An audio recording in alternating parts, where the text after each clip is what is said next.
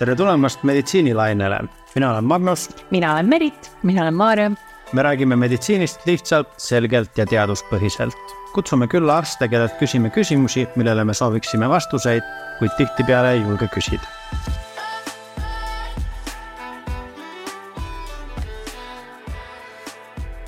tere tulemast jälle meditsiinilainele ja täna me räägime asjadest, mis lähevad üles ja alla, kuid äh, see ei ole aktsiaturg, vaid räägime erektsioonihäiretest ja meil on äh, siin tore külaline Sven Tennisberg, tere Sven. tervist, tervist. tere minu poolt ka. sa oled äh, Tartu Ülikooli Kliinikumi meestekliiniku arst-õppejõud täpselt nii. ja lisaks sellele veel androloog, mida teeb androloog igapäevaselt? Androloog on, ütleksin lihtsama nimega meestearst, tegeleb äh, meeste haigustega ja peamiselt äh, just sellist, noh, mis läheb allapoole vööd ja, ja ei ole eh,. Need kirurg, kõige rohkem ei ole need kirurgilised mured just eh,. millega mehed meie juures käivad kõigi oma noh, seksuaalmuredega eh,.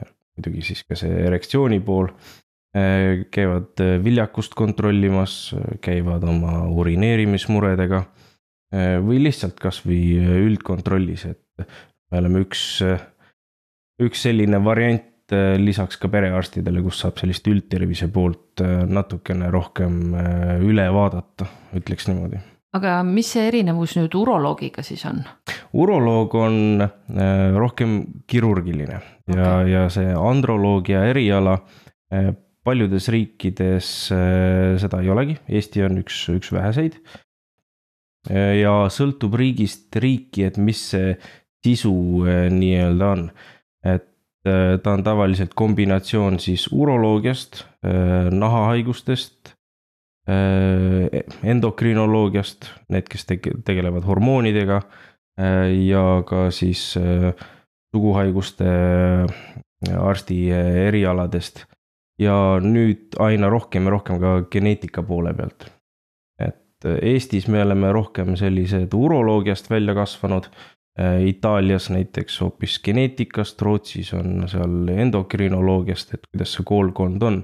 aga noh, kõigi nende asjadega me, me ka tegeleme aga kui me nüüd hüppame meie tänasesse teemasse, siis äh, milleks on erektsioonihäire, siis mis asi on erektsioonihäire ja kuidas see võib avalduda? No erektsioonihäire, noh põhimõtteliselt, kui peenis ei kõvastu piisavalt selleks, et äh, vahekorda astuda või edukalt seda siis läbi, äh, läbi viia. et isegi kui ta alguses läheb kõvaks, aga ära vajub ja, ja ei saa siis selle akti äh, läbi viia ja ebaõnnestub, siis noh, seda me saame lugeda juba siis erektsioonihäireks. see võib olla vägagi individuaalne, väga, väga suurel määral varieeruda, et natukene häirib, jääb võib-olla pehmeks jutumärkides või vajub ära või siis ei, ei liiguta ennast üldse, et on täitsa, täitsa kutu natukene. aga kui suurel osal meestel seda probleemi esineb? on väga erinev, muidugi sõltub väga palju vanusest ka. uuringute järgi on siis leitud, et üle neljakümnestel meestel et kuskil nelikümmend kuni seitsekümmend protsenti nendest siis, äh, et neil esineb erektsioonihäiret. kui me läheme natukene nooremate peale, et siis üle kolmekümnesed kuni siis noh, muldvanadeni välja, siis see esinemissagedus on kuskil seal kolmkümmend protsenti. noh, need, need faktorid, mis siis seda erektsioonihäiret tekitavad ja, ja, ja mõjutavad, et siis eh, noh, need muidugi vanuse tõustes suurenevad, aga neid on ka väga palju ka noorematel. ei küsi vanust, aga jah, vanematel on rohkem. ma kujutaks ette, et see on võrdlemisi selline tabuteema, et, et sellega nagu see ei ole nagu esimene asi, millega arsti poole pöörduda. meie juurde nad, eh, ma arvan, et julgevad tulla perearstile jällegi äh, ei, ei pruugi. et äh, meil on, paljud perearstid on just naisterahvad ja, ja noh, meestel on võib-olla ennast äh, raskem avada nendele, aga kui nad juba meie juurde siis äh, satuvad, siis nad räägivad sellest äh,. mitte võib-olla küll niimoodi, et, et jah, et mul ei, mul on erektsioonihäire või mul ei, mul ei lähe nüüd kõvaks, vaid noh, nad istuvad mulle maha ja, ja ma küsin, et noh, et mis murega ja kuidas aidata saan, et noh, tead küll, noh, noh. ja siis, ja aga noh, minu jaoks on neid teemasid tegelikult päris palju, eks, eks ma siis otseselt küsin, et kas on. kas tal on see urineerimine kehvem või, või tõesti siis see erektsioon kehvem või mis iganes seal võib olla. noh, ikkagi juurime selle asja välja. aga noh, aina rohkem lihtsalt räägitakse koheselt ka, et noh, milles probleem on, et ajas see on, on vägagi muutunud. kümme aastat tagasi käis noh, puhtfüüsiliselt käis vähem mehi vastuvõtul, nüüd tulevad uksest ja aknast ja ega see teadlikkus nende asjade suhtes on, on märkimisväärselt suurenenud. mis on ju tegelikult väga-väga tore ja tervitatav. just, just ja ta levib noh, just niimoodi äh, suust suhu mm, -hmm. et äh, üks sõber käib arsti juures ära vaadata, vaatab, et noh, ei söödudki ära ja ei, ei tehtud liiga ja siis saunas räägib teisele sõbrale, teine käib ka ära ja. siis see kolmas ka kuskile enam ei mm, -hmm. ei mhm. pääse, tema tuleb ka siis äh, läbi, et. aga kuidas sinu juurde vastuvõtuni jõutakse, kas on vaja perearsti saatekirja või kuidas see käib? hetkel on küll jah, perearsti saatekirja vaja mm, -hmm. et äh, see on äh, puht sellepärast, et meid androlooge või meestearste on hästi vähe Äh, ja me ei suudaks lihtsalt seda massi äh, ära hoomata, et siis on natukene selline eelfiltreerimine siis perearsti poole pealt. et äh, nad peavad sealt või siis eriarsti saatekiri tulla, noh, saadavad meile naistearstid, perearstid, nahaarstid, uroloogid saadavad kontrolli. et siis seal saab vajadusel teha ka mõningad noh, analüüsid ette, ei pea absoluutselt võib lihtsalt panna saatekirjale, et näe, soovib kontrolli või, äh, või, või mis iganes. et see, mhm. see tihtipeale on see mure, mis seal paberi peal on, on hoopis üks ja, ja kui me hakkame niimoodi vastuvõtul juttu ajama, siis sealt koorub noh, lisaks sellele erektsiooni poolele võib-olla noh, kaks-kolm asja veel välja, et see on lihtsalt selline noh, võti sissesaamiseks aga mis need äh, tekkepõhjused äh, erektsioonihäiretele on, et kas see on pigem meditsiiniline probleem või rohkem selline psühholoogiline probleem? erektsioonihäire nagu eraldi haigus ei ole, et ta saaks teda, et ta on, et ta on üksi, ta on alati teiste asjade tagajärg.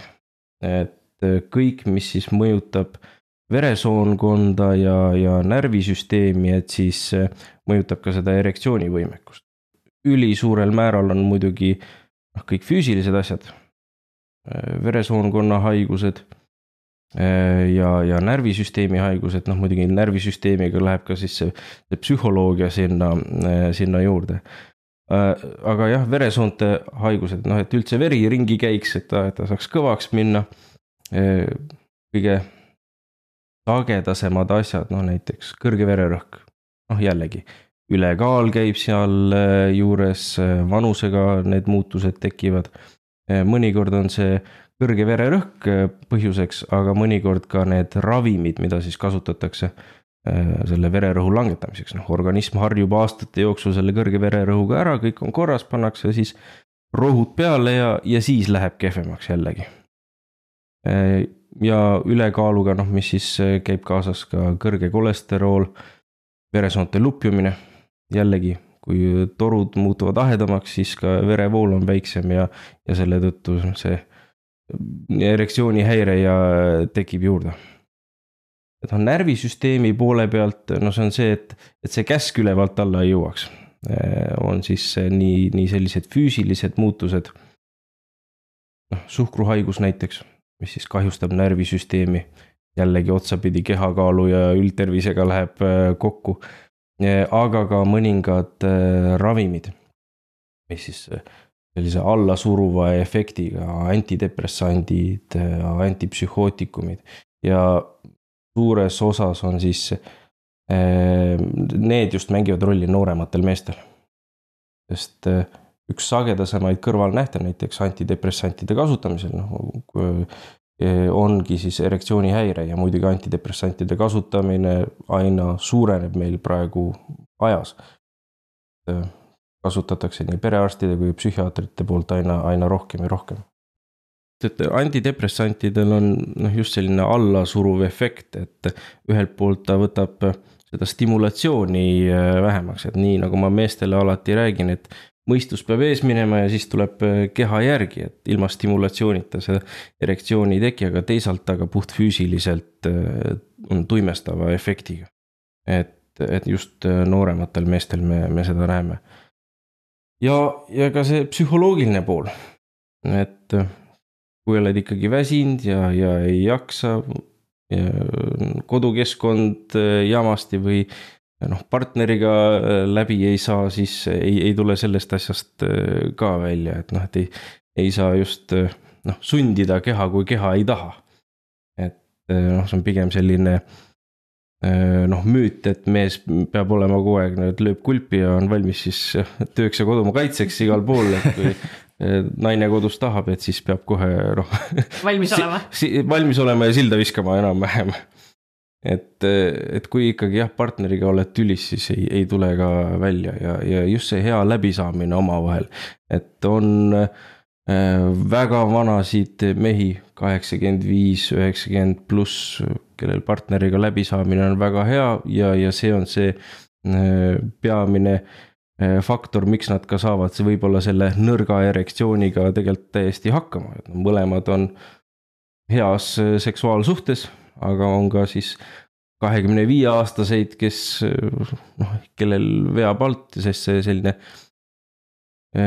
vaimne surve või ütleme niimoodi performance'i sund on, on liig. ja, ja kui ühe korra läheb aia taha sellega, siis ta mõte jääb alati sinna kuklasse püsima ja järgmisel korral hakkad aina rohkem sellele tehnilisele, tehnilisele poolele eh, mõtlema ja ka see ei ole stimuleeriv ja siis läheb hoopis kehvemini. Kuni siis eh, noh, nagu mehed kirjeldavad, et läheb eh, kehvasti, siis alateadlikult hakkad ise tõrkuma ja, ja lõpuks siis naine küsib, et kuule, mis värk on, et kas ma olen kole, kas ma ei meeldi sulle, siis nad lähevad tülli ja. ja on olnud täitsa selliseid, kes lähevadki lahku puht sellepärast, et on noh, ütleme nii, et sooritusärevuse pärast kujutan ette jah, et see vajab sellist äh, mõistmist nagu mõlemalt poolt ja ka seda nagu avatud kommunikatsiooni suhtes, et. absoluutselt, et noh, hea partnersuhe on siin väga, väga tähtis kas see teema ka on ka nagu ajas sagenenud, et, ähm, et sa ütlesid, et vererõhuprobleemid ja muud ja ma kujutaksin ette, et see, nende puhul see probleem on, on ühiskonnas aina kasvanud, kas erektsioonihäirete trend on, on samas suunas? Ma arvan, et erektsioonihäired on kogu aeg olnud, lihtsalt räägitakse rohkem ja need faktorid, mis siis seda mõjutavad, on, äh, on muutunud. et Äh, suitsetamine muidugi ka, mis on äh, noh, veresoonkonda kahjustav. Samas suitsetamise osakaal väheneb aastast aastasse, aga noh, teised asjad tulevad, tulevad, tulevad siin asemele. et mure on alati olnud, aga, aga nüüd, nüüd me saame sellega rohkem tegeleda. ja ausalt öeldes enne üheksakümnendate lõppu, egas meil sellist noh, superravimeid ei, ei, ei olnudki oli siis noh, põhimõtteliselt sellised vaakumpumbad ja kirurgilised sekkumised ja, ja noh, sellised kummirõngad, aga niimoodi medikamente enne üheksakümne üheksandat aastat ei olnud. aga mis need medikamendid siis on tänasel päeval? nüüdseks on Euroopa Liidus kasutusel neli noh, tablettravina neli erinevat preparaati. Muidugi see kõige esimene üheksakümne üheksandal aastal eh, tuli välja Viagra. Eh, juhuslikult avastati ta, mõeldi, oli mõeldud siis südame ravimina. siis meeskatse alustel avastati siis selline huvitav hoopis teine toime. ja, ja noh, kohe oli miljardi äri püsti.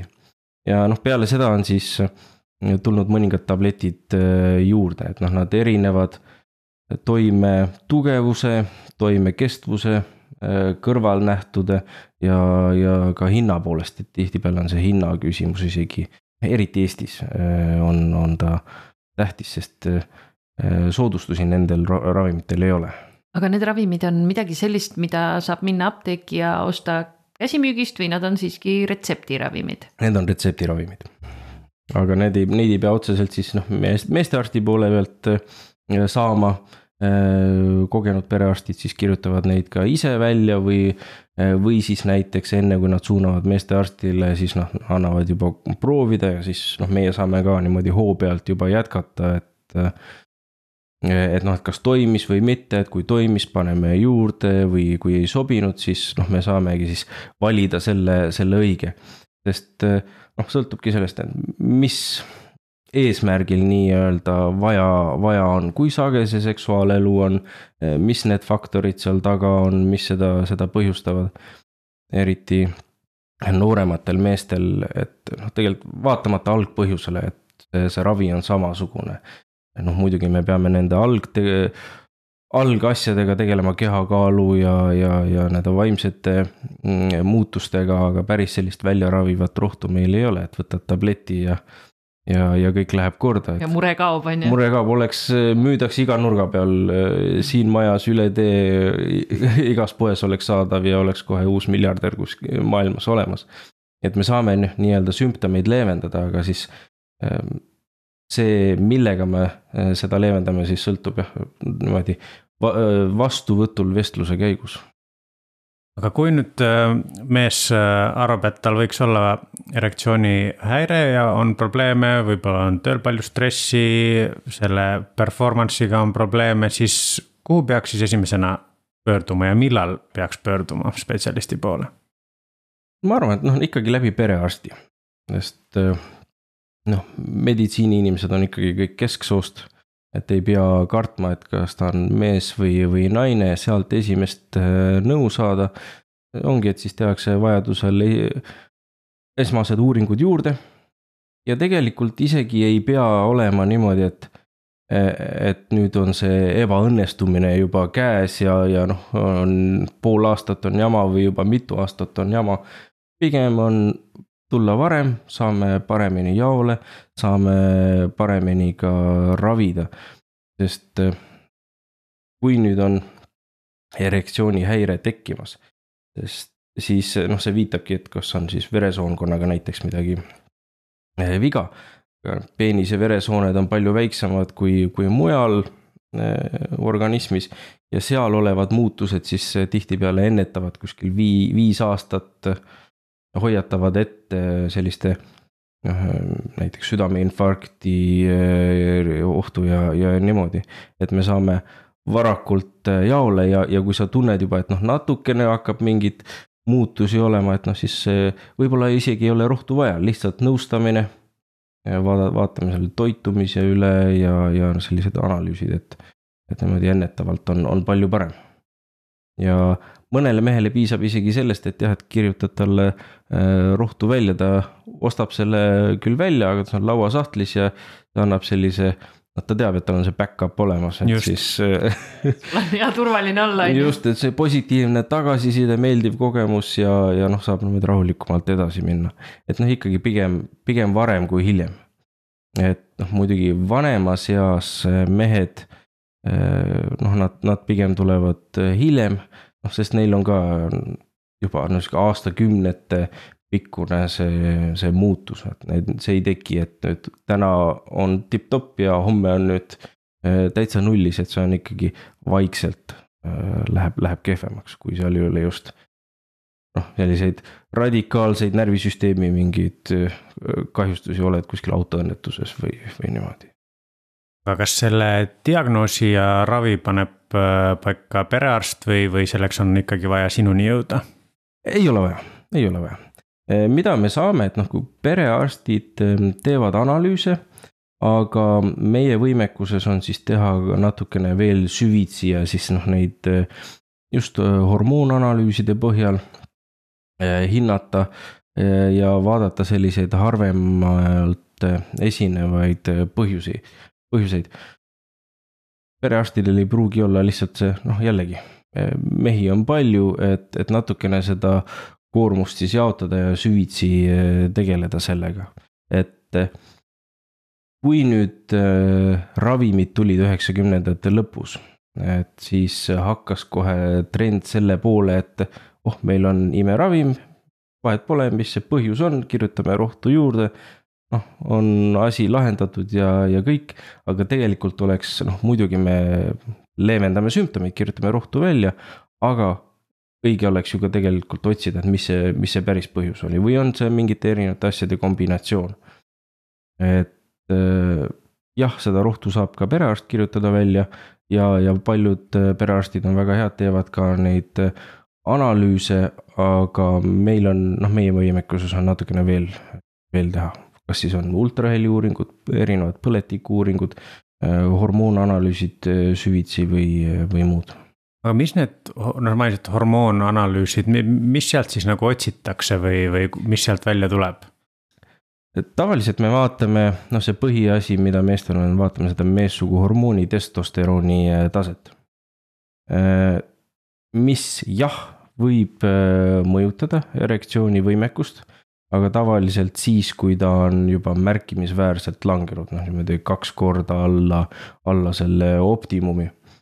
Et nooremad mehed või noh, isegi alla neljakümnesed mehed tihtipeale tulevad, et oh, on erektsioonihäire, raudselt on testosteroon äh, madal, noh tegelikult see ei ole see kõige esimene põhjus, ikkagi on sellised psühhogeensed ja äh, ja, ja ravimid ja suitsetamine, et noh, kui, kui ta tuleb äh, mulle vastuvõtule, teeb, noh, ongi, ütleb, et päevad läbi teeb tööd, nädalavahetusel ka, siis veel käib jõusaalis, eh, noh, täitsa ennast eh, ribadeks väsitanud, et jah, ja siis on mm, erektsioonihäire. et noh, pigem on, on, on seal põhjus, et isegi kui me teeme need testid, siis need testosterooni tasemed võivad tulla, et ei ole isegi mitte piiripealsed, vaid on hoopis kõrged. aga jah, ta on, noh, ütleks sellises pingereas äh, kuskil seal äh, noh, neljas põhjus äh, võib-olla otsese niimoodi erektsioonihäire põhjustajana, esimesel muidugi kõik need veresoonkonna mured, närvisüsteemi haigused ja, ja siis psühholoogiline pool ja siis alles on sellised hormoonmuutused seal taga. aga kas patsiendid, kes sinuni jõuavad, kas nad tulevad pigem selle mõttega, et, et ma tahangi nüüd ainult selle Viagra kätte saada ja kõik või? pigem vastupidi, pigem vastupidi, et äh, Eestis äh, ikkagi rohtusid pigem noh, peljatakse äh,. noh, mis on ka õige, et iga ravimi võtmine on elukvaliteeti langetav tegevus, et äh, see paranemine peab üles kaaluma selle ravimi võtmise Äh, et noh, me pakume, aga alati noh, osad mehed ei tahagi kohe rohtu, et jah, teeme uuringud ära, vaatame siis ja, ja noh, vajadusel siis kirjutame rohtu välja. noh, muidugi minu, minu poolelt on natuke lihtsam, et noh, teeme uuringud ja ma kirjutan rohtu välja. et siis noh, säästame selle kuu aega, et ta saab ka siis seda ravi proovida juba ja kui ta tuleb tagasi, et noh, kas töötas või mitte, kas me siis proovime midagi teist või, või kolmandat ja kui hästi sobib, siis tihtipeale nad ütlevadki, et jah, alguses noh, kui kutsun näiteks kuu aja peale tagasi, et eh, alguses võttis pool tabletti, siis võttis veerand, siis noh, lõpuks oligi, et vaatas tabletile otsa ja. töötas. ja töötas jah. see on tore. Äh, mis oleks nagu suures pildis äh, sellised äh, või mida sina soovitaksid patsientidele, kes nende asjadega võitlevad? milliseid üldiseid soovitusi võiksid anda või mida tahaksid öelda nendele patsientidele? tuleb oma, tuleb oma tervisega tegeleda nii nagu ka paljude kõikide teiste haigustega on, et, et erektsiooni pool tõesti on, on teiste asjade tagajärg, ta on tihtipeale ka äh, tagajärg erinevate asjade kombinatsioonist just. et ja paralleelselt tulebki tegeleda siis kõigi, kõigi nende asjadega, aga ei, ei pea kartma äh, ka ravimit, sest äh, ühelt poolt jah, on mure, aga kui me saame noh, elukvaliteeti märkimisväärselt parandada, olgu see siis tema enda enesetaju, tema partnersuhet, Äh, ja, ja jah, sellist üldist olemust puhtalt sellega, et ta võtab selle tableti või, või kaks ja tuleb mulle naeratades järgmine kord vastu, vastuvõtule, et oh, väga hea ja lähme, lähme aga edasi. et, et ei tohi karta, aga tuleb endaga ka, endaga ka tegeleda. aga see on sihuke üheksakümmend viis protsenti noh, elustiili muutused, mitte sellist võluvitsa kahjuks ei, ei ole just, see tundub väga selline jah, mitme, mitmekülgne teema ja jõuame jälle tagasi sinna, et, et toitumine ja magamine ja kõik see nagu ja. korda, siis kahjuks, jõuame päris ka, kaugele. kahjuks jah, jah, või õnneks, et saame parandada ka noh, kõigi nende samade muutustega saame mitmeid haiguseid parandada. et on mul olnud patsiente, kes noh, ülekaalulised Äh, kaal kõigub seal näiteks kuskil sada viisteist, sada kolmkümmend kilo. et äh, ta teab kohe, füüsiliselt on täheldanud, et kui tal kaal läheb äh, teatud üle mingi piiri ja siis kohe läheb kehvemaks. langetab kaalu kakskümmend kilogrammi, läheb kõik, tabletivajadus kaob ära ja, ja, ja kõik see muu, aga noh, see on, see ongi see, et see ei ole siis et ma pooleks aastaks või üheks aastaks teen selle muutuse, vaid see peab olema ka siis niimoodi äh, aastakümneteks. ja noh, ka selle stressi ja, ja puhkeajaga, et ei, noh, Eestis me oleme praegu selline pürgime igale poole edasi, äh, ehitame firmasid ja, ja paremat riiki ja töötame hästi palju, et isegi kui seda puhkust võtta, siis ei piisa sellest, et niimoodi üks nädalavahetus või, või isegi üks nädal, et selline taastumine võtab siin kolm-neli nädalat ja siis alles hakkavad, hakkab seis paremaks minema. et kahjuks on noh, muidugi super hakkajaid mehi eh, teevad eh, kõvasti tööd ja, ja on eh, kasulikud ühiskonnale, aga mingi teise asja arvelt tuleb see, et kaua sa seda kummi venitad, et kuskilt hakkab järgi andma. ja tihtipeale see on siis see esimene asi.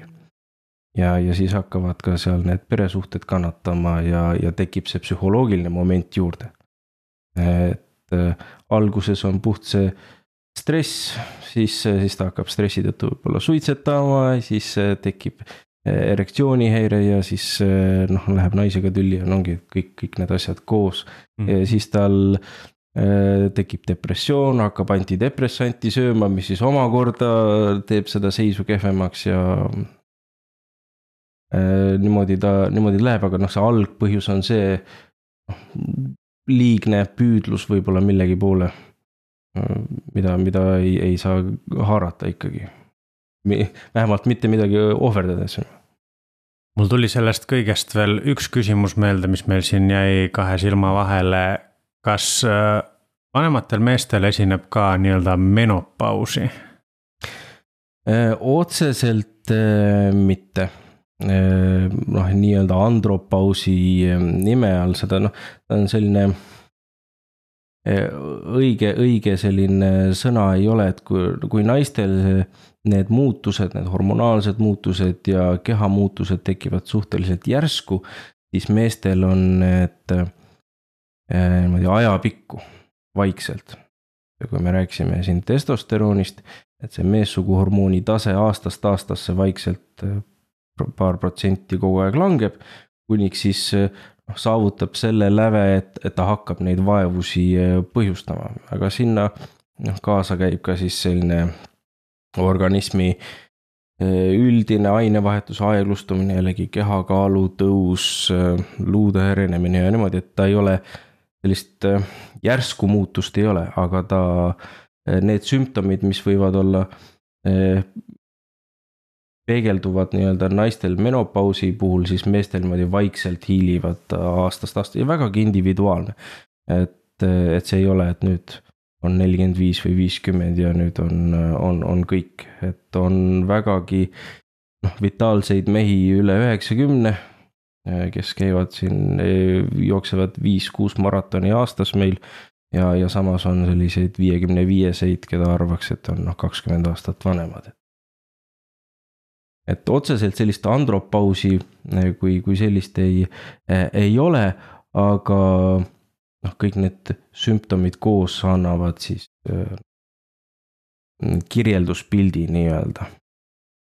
Meie oma poolt soovitame siis, et mehed tegelege oma tervisega ja, ja naistelt loodame äh, mõistmist. mõistmist ja mõistlikku suhtumist ja, ja diskussiooni nendel teemadel ja, ja mul on tore meel, et see, et see teema on, ei ole nii tabuteema enam ja, ja abi on saadaval ta on tõesti aina rohkem, noh, mehi tuleb, tuleb vastuvõtule ja seda on aina noh, parem äh, on, on seda näha.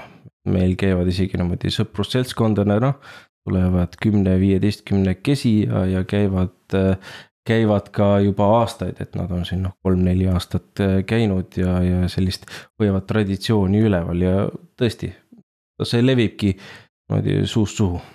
et, et me saame pakkuda, pakkuda seda abi ja nendel meestel ka seda elukvaliteeti tõsta. on hea teada aga suur aitäh sulle, Sven. palun, palun. Aitäh, et oled meiega meditsiinilainel, leiad meid ka Instagramist ning postkasti ootame küsimusi ja tagasisidet. kohtumiseni järgmisel lainel